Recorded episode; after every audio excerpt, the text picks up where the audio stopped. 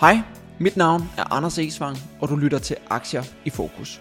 En podcast, hvor vi dykker ned i børsnoterede virksomheder for at blive klogere på deres forretningsmodel, vækstmuligheder, udfordringer og ikke mindst kommer tættere på topledelsen i disse virksomheder. Dette afsnit er sponsoreret af Stock.io, din direkte linje til topledelsen i børsnoterede virksomheder. Du behøver ikke at rydde din kalender for live events for at få svar på dine spørgsmål. Indsend dine spørgsmål på forhånd og få direkte svar af ledelsen gjort let tilgængeligt efter begivenheden. Få adgang til søgbare og tidsstemplede transkriberinger og optagelser.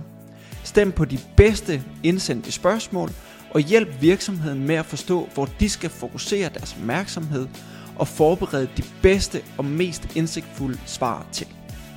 Ligesom du ser film, når du har lyst på Netflix, kan du på Stock.io få svar på dine vigtigste spørgsmål af topledelsen i virksomhederne, når det passer dig. Gå ind på stokk.io og få svar på det, du mangler for at kunne træffe beslutninger. I dag har vi fået besøg af Anders Erdmann, CEO for Intermail. Intermail arbejder med lead-generering og kundekommunikation, og dertil er de det, som man kalder distributør af e-boks. I dag skal vi dykke ned i selskabet, deres forretningsmodel og markedet for rådgivning inden for lead-generering og kundekommunikation. Så et stort velkommen til dig, Anders. Tusind tak, og tak fordi I måtte være med. Det er en stor fornøjelse. Selvfølgelig, vi har, vi har glædet os til at have dig med. Skal vi ikke starte sådan, uh, ude fra toppen med, at du sådan lige fortæller lidt mere om dig selv og din erhvervsmæssige baggrund? Jo, det kan vi godt. Øh, jeg er sådan øh, klassisk uddannet øh, kantmærk af for, øh, for CBS øh, og, og startede i revisionsbranchen i KPMG, hvor jeg stod min, min læretid igennem. Kom videre og arbejdede med de her første kapitalfonde i TDC, da man fik lavet den første store, store sådan rigtig kapitalfondshandel i Danmark i 2006. Og så har jeg arbejdet med alt for, for restrukturering og, og til at at strømline virksomheder og få, få genskabt de, øh, de muligheder, der har været inden for forretningsområden. Og de seneste 10 år har jeg været hos Intermail, øh, først fire år som, øh, som CFO, da vi lavede de første store restruktureringer i den daværende konvolutforretning.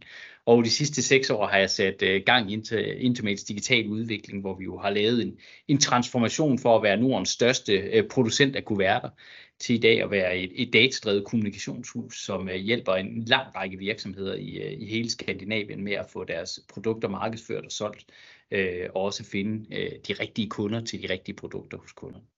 Og nu sagde du, da, da du kom til, at der var det sådan et, en, øh, en konvolutforretning, som du, som du kalder det. Kan du ikke prøve sådan lige at beskrive, hvad var det, I lavede dengang, og hvad er det, der sådan markant har ændret sig til i dag? Det, der ændrede sig markant, det var, at vi var producent og, øh, og trykkeri af kuverter øh, med produktion i, Danmark, i øh, Finland og i Sverige, altså store produktionssites, store maskiner, øh, store varelager øh, og simpelthen producent af et produkt. Øhm, og det brugte vi jo lang tid på at finde den, den helt rigtige afslutning på, fordi markedet faldt jo år for år. Øh, og det gjorde vi op med for cirka fem år siden. Øh, fik frasolgt øh, de dele, øh, kunderne fik øh, nedskrevet de aktiver, der var i forbindelse med det. Og, øh, og så sagde vi, hvad er så DNA'en i virksomheden? Jamen, det er at behandle kommunikation på en sikker måde. Øh, og det tog vi så udgangspunkt i, da vi byggede den her datadrevne forretning, som jo er en konsulentforretning, hvor vi hjælper typisk kunder med at finde nogle leads øh, ind til deres fysiske eller digitale butik, øh, kigge på, om kunden køber eller kunden ikke køber typiske, øh, hvad er deres mønstre. Og når de så har købt, så hjælper vi med at komme igen. Øh, fordi det her med at have lojale kunder frem for ikke lojale kunder, det er der en kæmpe forskel på. En normal kunde vil typisk købe for, lad os sige 1000 kroner som et eksempel, så vil en lojal kunde komme tre gange så ofte, og deres basket size vil være 67% større. Så en lojal kunde vil ofte give øh, fem gange så meget i omsætning som normal kunde. Så vi vil gerne præge kunderejsen for at få kunden ind til at få kunden til at komme igen, og i princippet køre rundt i et, i et evighedshjul, fordi det er den bedste ROI på for, for vores kunder. Og som jeg sådan har kunne læse mig lidt frem til, så har I sådan tre overordnede ben, som jeg arbejder med. Der er lead generering, kundekommunikation og kundeloyalitet i, sådan, i hovedtermer, hvordan er jeres forretning så fordelt imellem de tre ben? Er der nogen, der fylder mere end andre? Jamen, vi har jo bygget, over de sidste to år har vi jo lavet fem opkøb, og der har vi jo bygget tre virksomheder sammen i, i det, der hedder vores lead-generering, som i bund og grund er paid media, øh, som er et ben, som vi tænkte, okay, hvis vi er rigtig dygtige til at præge salgsprocessen, og vi er gode til at få kunderne til at komme igen, jamen så er vi også nødt til at få fyldt nogle nye kunder ind i systemet. Øh, så den del fylder cirka 25 procent, vores loyalitetsforretning øh, fylder cirka 25 procent, og så vores øh, omdrejningspunkt, vores center, det er de her større kunder, typisk for tele, teleindustrien, bilindustrien, bank, finansiering, hvor vi hjælper med store mængder af kommunikation, som skal ud til slutbrugere. Og det gør vi jo efter, vi jo den eneste virksomhed, der både er ISO 9001 øh, og 2701 certificeret, nu også ISA 3000 certificeret, så vi kan håndtere data, altså GDPR, øh, på et rigtig godt sæt. Øh, og så har vi den her ESG-profil, som der er rigtig, rigtig mange virksomheder, der efterspørger lige nu. Øh, så, så 25, 50, 25 sådan i, i hovedtal er vi delt op vores forretning, men vi har en del kunder, faktisk ganske mange, som, som køber hele kunderejsen. Og hvad er det så, I laver, kan man sige, i hele den kunderejse? Er I rådgiver for kunden? Producerer I også selve kommunikationsmaterialet? Eller hvad er jeres rolle? I vores rolle er sådan set at være øh, 360 graders rådgiver. Øh, vi hjælper typisk med at finde kunderne øh, på Google øh, så kan det være, at der skal være nogle kampagner, altså hvor, hvor skal man tale til de rigtige kunder henne. Typisk i bilbranchen taler man til dem både fysisk og digitalt. Der har vi et element, der stadigvæk er fysisk, men vi prøver at tale også til dem øh, digitalt. Så, så vi er sådan set med på hele rejsen. Øh, hvor vi tidligere var 100% producent af et produkt, så er vi nu, øh, lad os sige, 75% rådgiver og 25% øh, media-eksekveringshus. Så har jeg også kunne læse mig lidt frem til, at I arbejder med, med e-boks, med direkte mail, e-mail og, og andet. Er der nogle områder her, hvor I er stærkere end andre, eller hvor I har en, for eksempel en fordel i forhold til, til andre i det marked, I bevæger jer i? Jamen, hvis man kigger på, hvad DNA'et er i Intermate, vi, bliver, vi skal jo fejre vores 125 års fødselsdag om, om et par måneder, og det her med at bringe kommunikationen sikkert fra A til B i alle de kanaler, der er tilgængelige det er ligesom Intermails DNA. Så er vi jo distributør i e-boks sammen med, øh, med Nets og, øh, og med Stråleforce og med KMD. Det er ligesom et kvalitetsstempel på, at, at, at vi har lov til at være distributør og servicere kunderne. Det er sådan et, et godt sikkerhedselement. Og så har vi jo ganske mange års historik på at være gode til at udarbejde og sende direct mails på det rigtige tidspunkt. Som for eksempel når, øh, når UC øh, går ud og siger, at nu skal vi lægge kabel-tv ned i hele Danmark, øh, være med til at kommunikere til, til de enkelte adresser, hvad er mulighederne her, hvad er det for en udbyder, der er. Så, så typisk øh, lidt af de her større kommunikationsopgaver har vi har vi historisk gjort rigtig, rigtig meget. Mange af vores kunder i det, vi kalder kundekommunikation, har øh, Øh, en historik med at have handlet her i 15, 20, 25 år. Øh, så meget loyale kunder. Øh, vi er en sikker havn, når der skal kommunikeres noget fra A til B på et, et givet tidspunkt. Øh, og det er jo enormt vigtigt, uanset om det er indkaldelse til tandlægen i, øh, i e-boks øh, for børnene, eller om det er rykkerprocedurer for en kassovirksomhed, det skal falde lige præcis på nogle bestemte tidspunkter, så er det også der eksekverer på de opgaver. Og, og hvad betyder det sådan helt præcist at være distributør af e-boks? Er der nogen sådan forretningsmæssig økonomisk gevinst i det for jer ved at være distributør, eller er det bare en mulighed for at komme ind til kunderne og sælge noget bagefter? Jamen det er for os øh, et helt afgørende parameter. Øh, der er fire distributører i Danmark, og skal du sende igennem e-boks, så skal det være igennem distributøren, eller hvis du har en direkte aftale med e-boks, som, som de færreste virksomheder har. Så det er et kvalitetssempel, øh, og det er en måde at, at få taletid og dialog hos vores kunder, og når vi har dem, øh, hvor vi distribuerer kommunikation i e-boks, så har vi også en dialog om, hvilke andre muligheder er der så også hos kunden. Så, så det giver både taletid, det giver en god revenue stream, og så er det et kvalitetsstempel at være, være distributør for e-boks. Er det så typisk den måde, som I kommer ind til kunderne på første gang? Er det igennem e-boks, eller har I andre sådan, uh, muligheder for ligesom at få den der første kontakt med, med kunderne?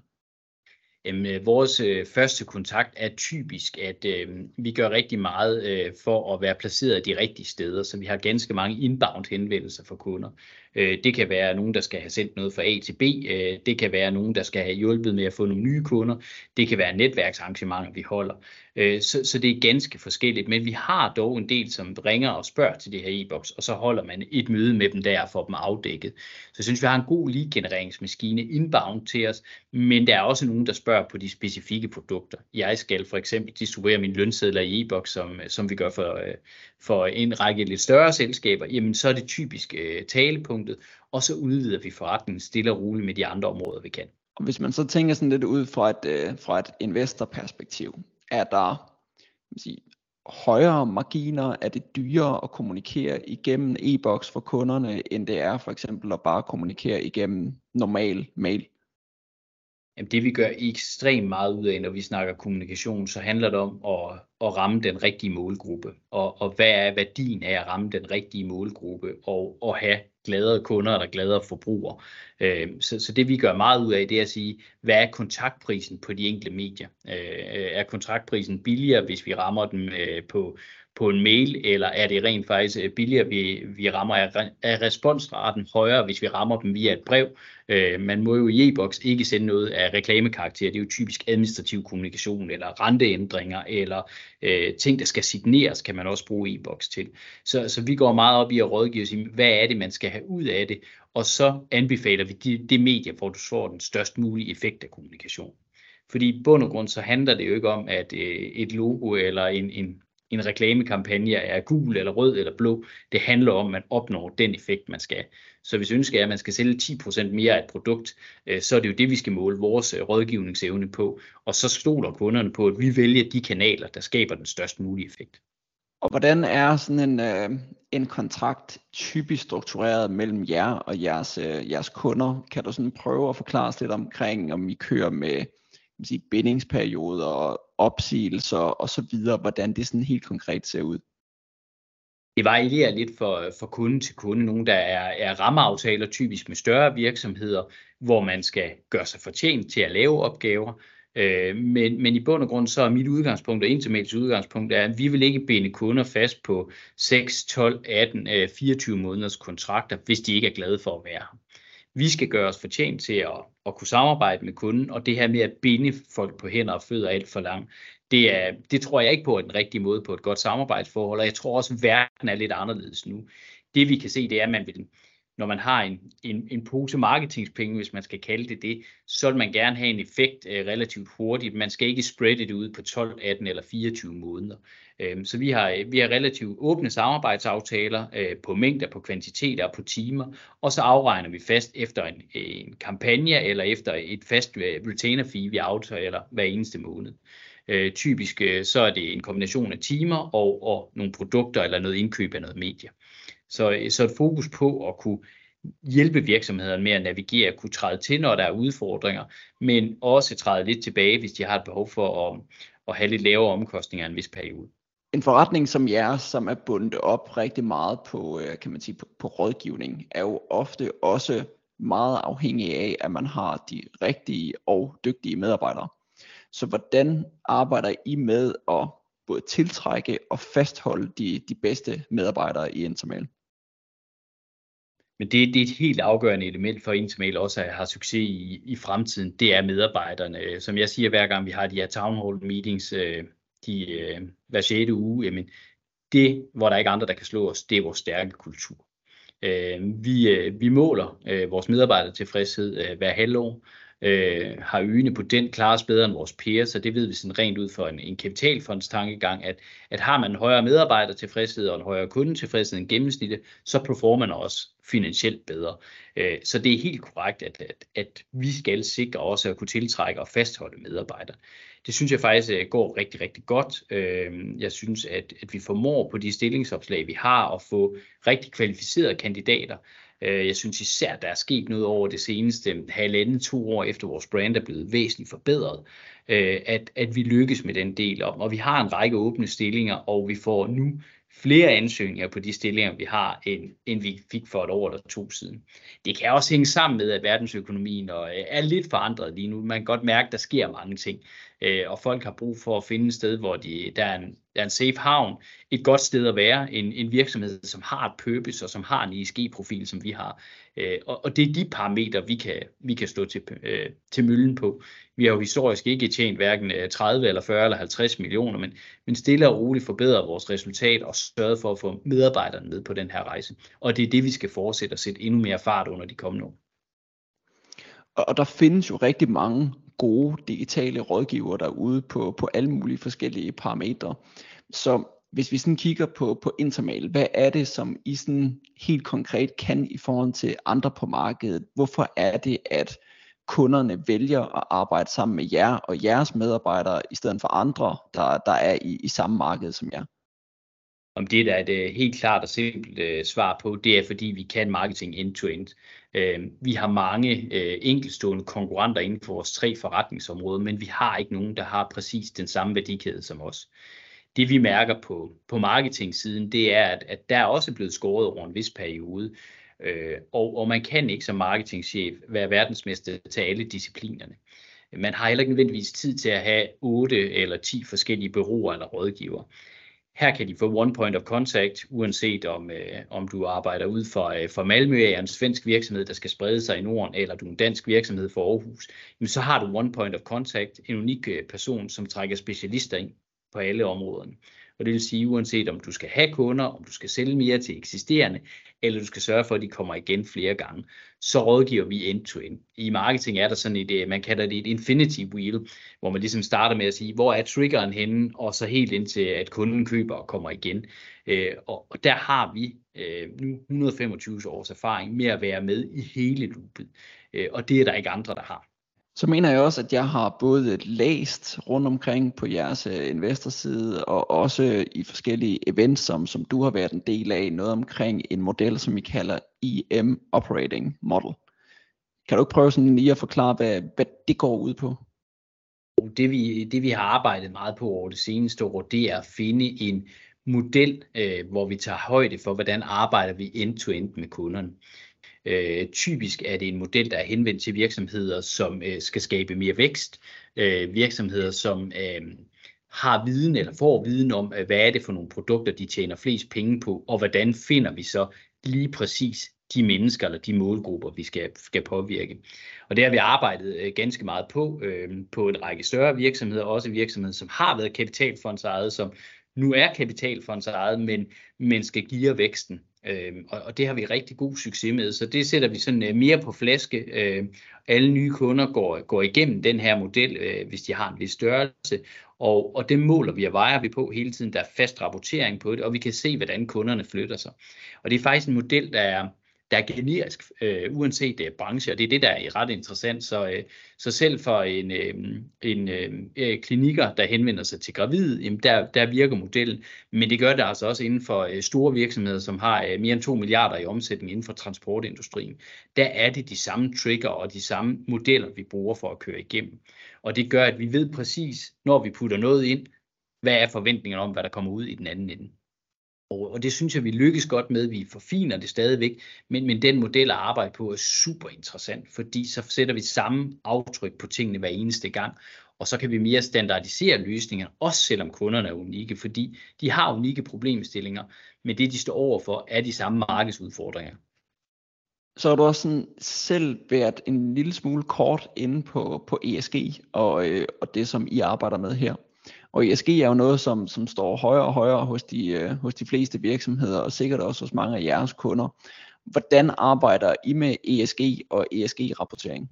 Jeg tog en beslutning for, øh, for lidt over to år siden, da vi kunne se, hvordan, øh, hvordan verden den bevæger sig, og hvor meget purpose øh, kommer til at fylde for, for medarbejdere. Øh, der besluttede vi, at vi ville være first mover inden for vores felt. Vi vil investere, koste hvad det koste ville, i at være de første, som siger, nu kan vi rapportere på noget. Altså få noget, for der er teoretisk, ned til noget, der er praksis. Have nogle ambitioner om, hvad det er, vi skal gøre, og få det til at indarbejde i virksomheden. Så vores måde at arbejde på ISG med, det følger præcis de standarder, der er fra Nasdaq til børsnoterede selskaber, som jo først er om to år, de første skal begynde at leve op til det. Der har vi fuldt implementeret det på nær af CO2 scope 3, som øh, vi stadigvæk mangler en, en række underleverandører at rapportere på. Men på alt andet offentliggør vi, og det er ned til, hvad er lønforskellen mellem øh, den løn, jeg har, og de gennemsnitlige medarbejdere, det er til, hvor mange kvinder øh, har vi, eller det underrepræsenterede køn, som det jo hedder, på lederposter, på ledende positioner. Og man kan også se, hvordan vi har arbejdet med det og flyttet os på de her parametre over de sidste tre år, samtidig med, hvad er vores forventninger til de næste tre år. Så vi har formået det, jeg godt kan lide, at det Intermail står for at tage noget, der er teoretisk, få det ned i praksis, få det indarbejdet, og så få det sammenkoblet med, hvad er det så for nogle af FN's verdensmål, vi arbejder med. Fordi uanset hvor stor virksomhed man er, så kan man ikke arbejde med det hele. Øh, det kan være afhængig af industri og alt muligt andet, men vi har valgt de mål, vi rent faktisk kan gøre noget ved, sat os ambitioner for, at vi skal være CO2-neutrale på, på vores produktion og den måde, vi gør på om tre år. Og vi har blandt andet investeret i at få Øh, knap 90 procent af alt vores el øh, kommer fra vindmøller. Øh, det har også en omkostning, men, men det er en placering, vi har valgt øh, at tage i Intermail, fordi vi skal skabe en fremtid for den her virksomhed og for det her samfund øh, de næste mange, mange år. Og derfor er vi nødt til at tage det her øh, meget mere seriøst, end man sker. Det jeg kan se, det er især i udlandet, øh, er der efterspørgsel efter det på samarbejde. Men jeg synes ikke, de danske virksomheder øh, efterspørger det i deres øh, beslutningsparametre endnu. Øh, og det har jeg tit råbt lidt om, at, øh, at der er mange store konsulenthuse, som øh, siger, at nu skal man gøre noget ved det, og det er meget vigtigt. Men der er jo ikke nogen af dem, der rapporterer på det endnu. Så jeg synes, at, at vi mangler nogle flere virksomheder, som, øh, som, som sætter det på dagsordenen. Så det kommer til at fylde det, det skal fylde, og det ikke bare bliver et compliance-værktøj. Og ESG-rapportering er jo noget, som er kan man sige, forholdsvis nyt, og der ikke er voldsomt mange virksomheder endnu, som har øh, et kæmpestort fokus på det. Det er noget, der, der bliver mere og mere fokus på, som I også sætter her. Men det betyder måske også, at der er mange for eksempel investorer, som vi jo har med at gøre, der kigger på ESG-rapporter og tænker lidt, hvad er det, jeg helt konkret skal bruge det til, og hvordan læser jeg de her rapporter. Så uden at det her måske skal blive en lang gennemgang, kan du så ikke prøve sådan lige kort at oprise, hvad er det, vi som investorer kan finde i de her rapporter, og hvis vi kigger på Intermail, hvad er det så for nogle parametre, der er interessante at kigge på? Jeg vil sige, at øh, sådan overordnet øh, giver der meget ret i, hvis man ikke har, har nærstuderet det, så kan det godt lyde som et buzzword. Øh, I den ESG-rapportering, vi rapporterer på, har vi jo valgt at sige, øh, hvad er det for nogle ting, vi påvirker samfundet med, øh, alt fra CO2-udledning til, hvordan er vi sammensat øh, ledelsesmæssigt, bestyrelsesmæssigt, øh, lønmæssigt. Jeg synes, man kan finde rigtig mange spændende data, og det man skal forholde sig til, synes jeg, det er ikke nødvendigvis det første år, man rapporterer på, men det er de målsætninger, man sætter sig fremadrettet. Det er jo akkurat som et, et budget, det kan man jo følge op på hver år, når virksomheden de her målsætninger får vi den rigtige repræsentation af mænd, kvinder, etnicitet, som, den, øh, som virksomheden siger, som de har målsætning om, og, og bliver vores udledning i samfundet mindre end det, vi havde for to eller tre år siden. Det vil jeg kigge på, og jeg kigger ekstremt meget på det. Øhm, vi er slet ikke lige så store som Novo, men vi sammenligner øh, på rapporteringsmåde på mange måder, fordi vi ved, at de taler til et bredere audience, og vi vil også gerne tale til et bredere audience.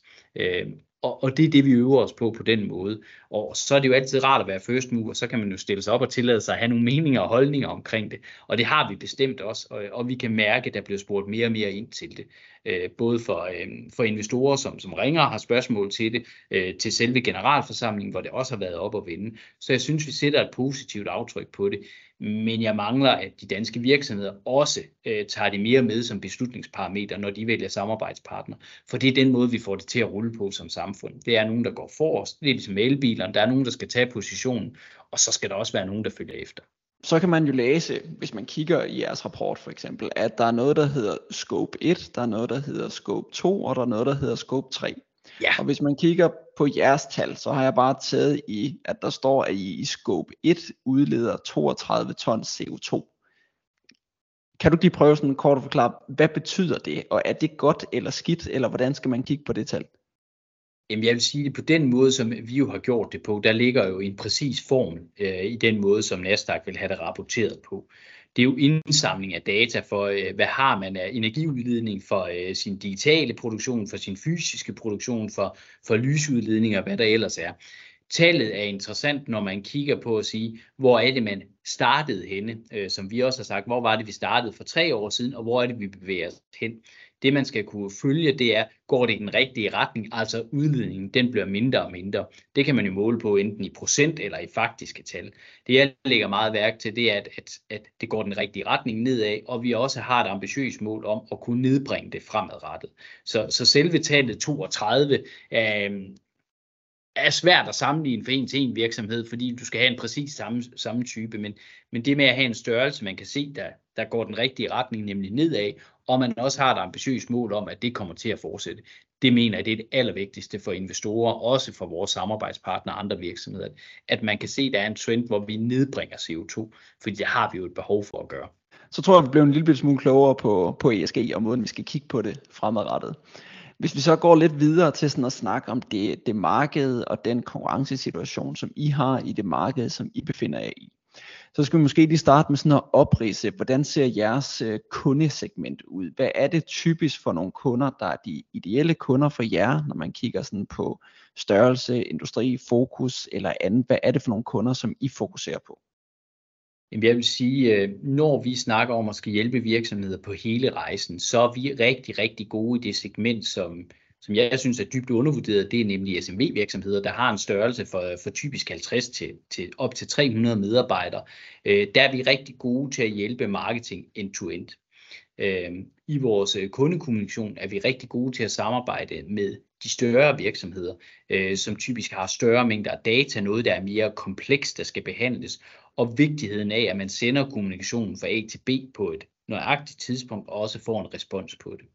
Øh, vi siger, øh, at vi er gode inde i otte segmenter. Øh, det, der kendetegner de otte segmenter, det er, at der er ganske mange forbrugere i de segmenter, det vil sige store mængder af data, der enten skal fortolkes eller kommunikeres med. Det lader sig gøre inden for, for bank og finance, hvor vi er gode. Vi er gode inden for teleindustrien, vi er gode inden for retail, uh, travel og leisure er vi gode. Og så er vi rigtig dygtige inden for NGO-industrien, fordi vi har arbejdet så tæt med mange af NGO'erne, at det her med at lave indsamlinger, arbejde med prispunkterne på indsamlinger, således at, at de enkelte NGO'er får de donationer, der er nødvendige for, at de kan udføre deres formål. Så kendetegn, det er virksomheder, der gerne vil noget anderledes end, end det, de gør nu, og, og også virksomheder, som har et behov for at kommunikere på nogle bestemte tidspunkter med nogle bestemte forbrugere. Og så har I i, kan man sige, i jeres strategi over de seneste par år også haft et fokus på opkøb.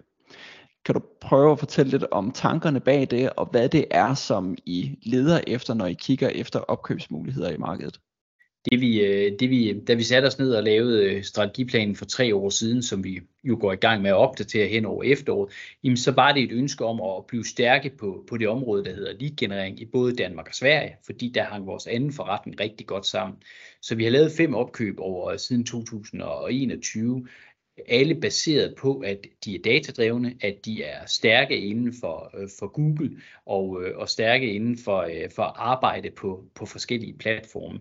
Så hele lead-genereringsdelen, også paid media, som man, man kalder det nogle steder, det ben har været vigtigt for os at få bygget op, fordi vi vidste, at den mængde af papirbaseret kommunikation, der var, den ville falde, men mængden af digital kommunikation, den øges.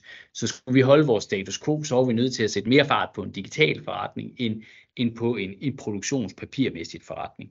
Øh, og derfor så er vi blevet over og blevet mere og mere rådgiver på den del. Så det har været et helt, helt bevidst valg om at få nogle rigtig dygtige mennesker, nogle rigtig dygtige kompetencer, som vidste ganske meget om, om den første del, nemlig at skaffe nogle kunder, og så havde vi jo forretning, og har den stadigvæk, der er rigtig gode til, til kommunikationen, når der er kunder, og så til den del, hvor vi sørger for at få kunderne til at komme igen, så de køber mere. Så det har været et helt bevidst valg om at, at træde ind på det her segment i både Danmark og Sverige, øh, fordi vi ved, at, at det her med at være fysisk til stede, øh, både i Aarhus, i København, Malmø, øh, Göteborg, øh, det, det betyder rigtig meget for det valg, vi har af kunder. Øh, at man ved noget om det enkelte marked og kender forskellene på markedet, og har folk siddende på kontorer, øh, så det ikke er alle, der er placeret på et kontor i Aarhus, og så siger man, at man er verdensmester i Sverige vi har masser af folk siddende i både Danmark og Sverige øh, og kender de forhold, der er der. Så det har været et helt bevidst valg om at være stærke begge steder, bygge værdikæden øh, og så opnå de synergieffekter, der er ved at kunne arbejde på tværs. Og når man så laver sådan nogle opkøb og har med kan man sige, rådgivning at gøre, vi har snakket om, at medarbejdere er, er super vigtige i den proces, så kan der jo også være en risiko for, at man taber nogle af de medarbejdere, som man rent faktisk købte sig ind i. Så hvad, hvad gør I i den proces for at fastholde medarbejderne og sørge for, at de har lyst til også at være en del af det nye selskab, som de nu bliver en del af? det vi gør, vi har en helt øh, fast proces for, hvordan vi, øh, hvordan vi øh, angriber de targets eller starter kommunikationen med den. Ganske ofte er det, er det mig, der mødes øh, sammen med de, virk eller de ejere af virksomheden. Det er jo ikke, fordi det er kæmpe store virksomheder, det er typisk virksomheder, der har mellem 4 og 10 ansatte. Øhm, og, og det vi leder efter, når vi køber noget, så er det et stærkt team, Øh, og det er nogle kunder, som kan se sig selv arbejde sammen med, med de her dygtige medarbejdere, også hvis de kommer over i et andet setup. Øh, hele værdien ligger i at have medarbejderne med og have kunderne med. Øh, så det er det fornemmeste for os, og fornemmeste for mig og mit team og, og vores afdeling, det er, at vi kan fastholde. Øh, så vi starter typisk proces med at have et, et, en række møder omkring det. Så møder de de kollegaer, som de typisk øh, kommer til at have noget med at gøre. Øh, de får lov til at tale med nogle af de øh, virksomhedsejere, som har solgt deres virksomhed til Instamail, så man ligesom har en helt ærlig og åben proces. Og, og det er en dialog, hvor jeg ikke deltager, fordi det er enormt vigtigt, at man får tingene objektivt. Det vi kan se og måle på det, det er, at vi vi har haft en meget lav kundetilgang, og ud af de øh, cirka 25 medarbejdere, der er kommet med i den her periode, der er kun tre af dem, der ikke er her længere. Og heldigvis er det, fordi de har fået nogle andre spændende altså jobtilbud. Og, og, og vi er jo et sted, hvor, øh, hvor hvor det er godt at være, men vi er også det sted, hvor hvis vi kan være med til at udvikle de næste talenter til virksomhederne eller til vores kunder, så er det jo super fedt. Øh, man kan godt blive irriteret over, når man mister nogle dygtige medarbejdere, men når de nu skal videre til noget, der er mere spændende, eller det er et upgrade i forhold til, hvad de sidder til, så bliver man jo stolt over, at man har været med til at udvikle nogle talenter. Det er jo lidt ligesom i Nordsjælland, de har jo en god filosofi, når vi snakker fodbold, og de bringer jo de her øh, talenter godt frem og klarer sig jo også rigtig fint. Uh, så, så lidt at trække øh, analogi til dem, så er vi jo ikke, vi er jo ikke FC København, vi er jo ikke øh, dem, der har den største pengekasse, men vi kan være det bedste sted at arbejde, og vi kan levere nogle rigtig, rigtig gode resultater, øh, og det går vi benhårdt efter. Og hvis vi så springer lidt videre til, til nogle regnskabstal her, øhm, kan du prøve sådan lige øh, kort at, at oprise, hvor, hvor store er I i dag, hvis vi sådan kigger på, på omsætning, og hvad lander på, på EBITDA, og hvad lander til sidst på, på bundlinjen, hvis vi ser sådan på, på marginerne? Vi har jo lige meldt øh, den seneste øhm, øh, justering til vores regnskabstal ud øh, lige før vi gik på sommerferie, og det gjorde vi, fordi at det vi ser, det marked vi ser ind i nu i Sverige, er ganske anderledes, end det var for, for 3-4 måneder siden. Øh, udviklingen på det svenske marked er jo negativ, negativ BNP. Øh, de har ikke styr på inflationen. Øh, renterne er, er stadigvæk opadgående. Og der er altså en lang række virksomheder, også når man kigger på det svenske industriindeks, øh, som, som ikke kommer igennem med det i år, de havde forventet. Det er vi også mærket af. Så, så en lidt lavere omsætning end det, vi forventede for årets start af, primært båret på det her svenske marked. Stadigvæk en forventning om, at EBITDA ligger inden for et fornuftigt interval, og vi kommer til at tjene penge i år. Det, der er vigtigt for os, det er, at vi har sagt, vi skal jo ikke toppe nu, vi skal fortsætte med at bygge videre på den stærke virksomhed, vi har, afvikle gælden, øh, som vi jo er godt i gang med at have gjort det meget solidt, og så skal vi investere i de mennesker og de virksomheder, vi skal have med, således vores omsætning, den kan nå de her 200 millioner inden for de kommende år. Så, så vi skal gerne lægge en 30-40% til på toppen, øh, og deraf også selvfølgelig få synergieffekterne øh, på marginerne på EBITDA og, og på resultatniveauet. Så vi skal flytte os øh, på vores toplinje, og så skal vi sørge for, at det vi øger på toplinjen minimum i procentvis, også er det, der kommer ned på bundlinjen.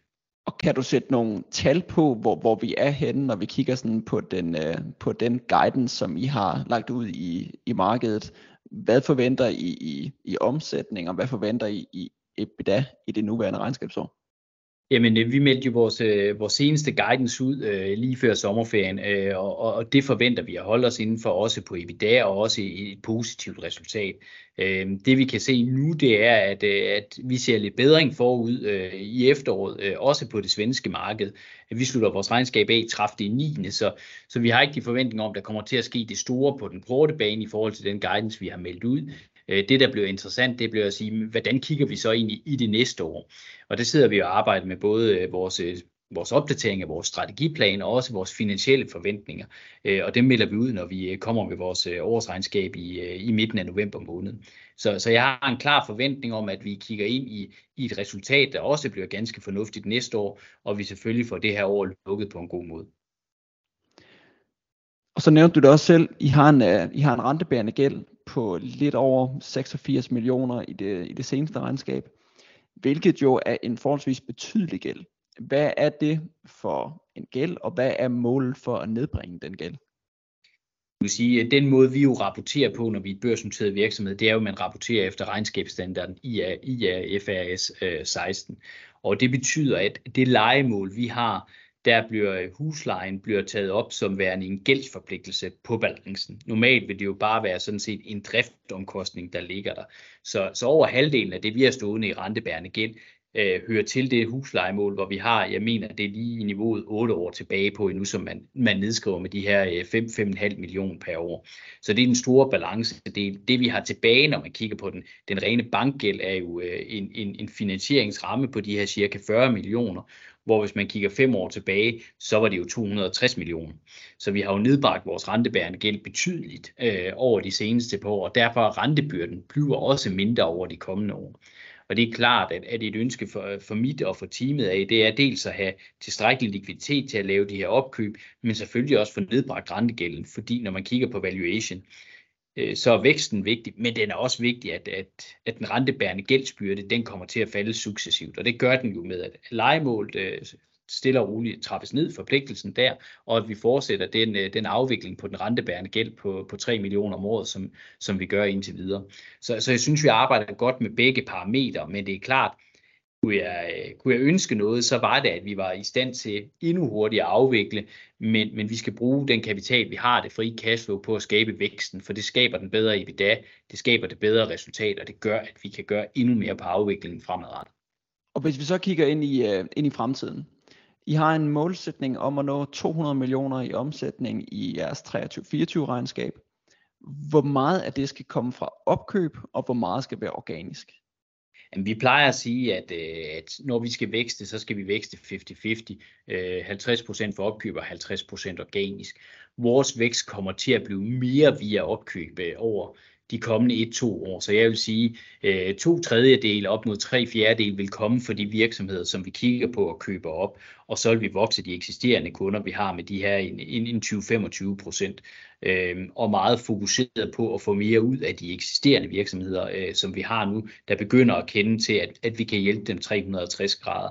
Jeg har med en, en god times tid et møde med, med en af teleselskaberne, som, som er rigtig, rigtig langt fremme, hvor vi hjælper dem med at udvikle deres kundedatabase, og, sådan et samarbejde er guld værd for både dem og for os. Øhm, så, så det her med at tage sig godt af de eksisterende kunder, men vi har et stort fokus rettet mod, mod opkøb også, der kan styrke værdikæden yderligere. Fordi kigger man på det, så kommer der mere ud af de sidste 10-20 millioner, man ligger på toppen, øh, øh, når vi kigger på bunden i procent, end det vi har i forvejen. Så vi skal sørge for at vokse, men det skal heller ikke være således, at resultaterne ikke følger med. Og hvis vi så til sidst kigger langt ind i fremtiden og tænker sådan lidt øh, visioner, hvor står I så, når vi går 5 eller 10 år ud i fremtiden? Hvad er det for en virksomhed, vi har med at gøre? Hvad er det for en virksomhed, som du måske på det tidspunkt er CEO for? Jamen, øh, først og fremmest håber jeg, at jeg får muligheden for at være med på rejsen. Jeg synes, at Intermail er, det er en fantastisk virksomhed. Vi står med nogle muligheder, som jeg ikke engang troede var muligt for fem år siden. Øh, vi har en meget datadrevet profil. Vi har en profil, hvor vi har nogle ekstremt dygtige medarbejdere, glade medarbejdere, glade kunder. Vi har en stærk platform, øh, vi har et stærkt øh, purpose og et stærkt drevet ESG-formål. Så jeg tror, vi står på en virksomhed, der er minimum dobbelt så stor, som vi kigger ind nu i omsætning og i indtjening. Jeg tror, vi kigger ind i en virksomhed, som også udvikler sig til flere markeder end blot Danmark og Sverige er vores lille nålestik i Norge. Så kigger vi på en, en mere europæisk virksomhed. Vi kigger på en virksomhed, som arbejder endnu mere med AI og med teknologi, end det vi gør i dag. Øh, sådan, sådan anderledes virksomhed, men hele tiden med fokus på vores DNA, stærke, tydelige processer, sikkerhed i alt, hvad vi laver, og så gode resultater og tæt dialog med alle kunderne. Øhm, og, og der kommer naturligvis nogle op- og nedsving i den her rejse. Der er også noget med, med verdensøkonomien og tiltroen til, til tingene. Men, men jeg er ret sikker på, at hvis vi tegner en kurve for, hvor vi er nu og hvor vi er henne, så vil man kunne, kunne se en stigning i udviklingen i både omsætning og resultat, og bestemt også øh, fastholde vores, øh, vores høje medarbejdere og kundetilfredshed. Du skal have en rigtig stor tak, fordi du vil øh, deltage her, Anders, og gøre os lidt klogere på, øh, på Intermal og den rejse, som I er på. Jamen tusind tak, og tak for øh, at deltage. Det har været en stor fornøjelse, og jeg håber, der er lige så mange øh, dygtige investorer, der sidder og kigger på Intermate, som har fået øh, noget ud af det her. Det, øh, det håber vi, de gerne vil være med på rejsen. Det var en gennemgang af Intermail sammen med deres CEO Anders Erdmann. Jeg håber du fandt det interessant, og hvis du gjorde, så husk at du kan følge med her, når vi hver uge dykker ned i nye og spændende virksomheder. Tak fordi du lyttede med. Vi ses i næste uge.